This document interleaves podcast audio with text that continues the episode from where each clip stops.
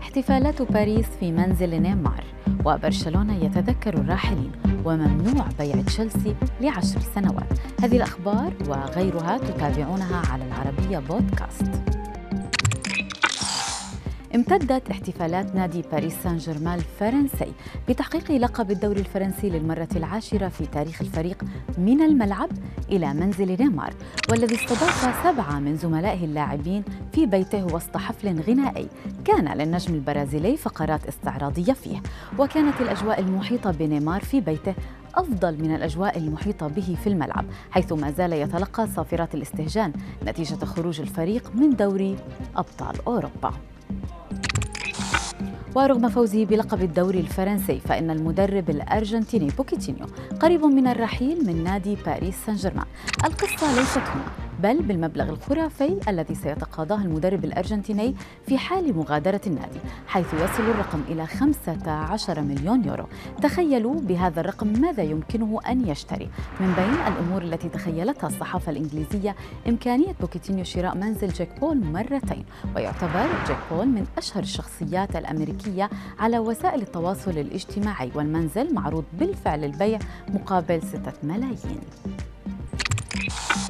يحيي اليوم نادي برشلونة الإسباني ذكرى مناسبتين حزينتين في تاريخه.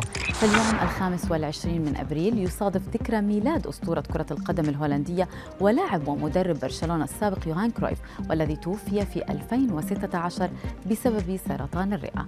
كما أحيا النادي الكتالوني اليوم الذكرى الثامنة لوفاة مدربه السابق تيتو فيلانوفا والذي توفي بمرض السرطان أيضاً. خلال الأيام المقبلة سيتم الإعلان عن هوية مالك نادي تشيلسي الجديد من بين ثلاث عطاءات تقدم بها أشخاص أو مؤسسات لشراء النادي. لكن أحد شروط امتلاك النادي اللندني هو تقديم ضمانات تؤكد عدم بيع الفريق حتى العام 2032 وذلك لضمان الاستقرار في الفريق. وسيقدم مالك النادي الجديد أكثر من ملياري جنيه استرليني لشراء الفريق مع استثمار إضافي بقيمة مليار جنيه استرليني كحد أدنى مع الالتزام بمصاريف الملعب والأكاديمية وكذلك فريق السيدات. بول بوجبا يخرج من group واتساب الخاص بلاعبي مانشستر يونايتد ما يعني أنه قريب من ترك النادي الإنجليزي. وسيصبح اللاعب الفرنسي حرا في يوليو المقبل.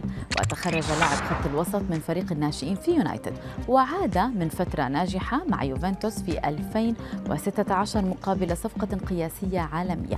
إلا أنه لم يظهر مع الشياطين الحمر بالمستوى الذي كان عليه في إيطاليا أو مع منتخب بلاده ما أثار غضب جماهير اليونايتد.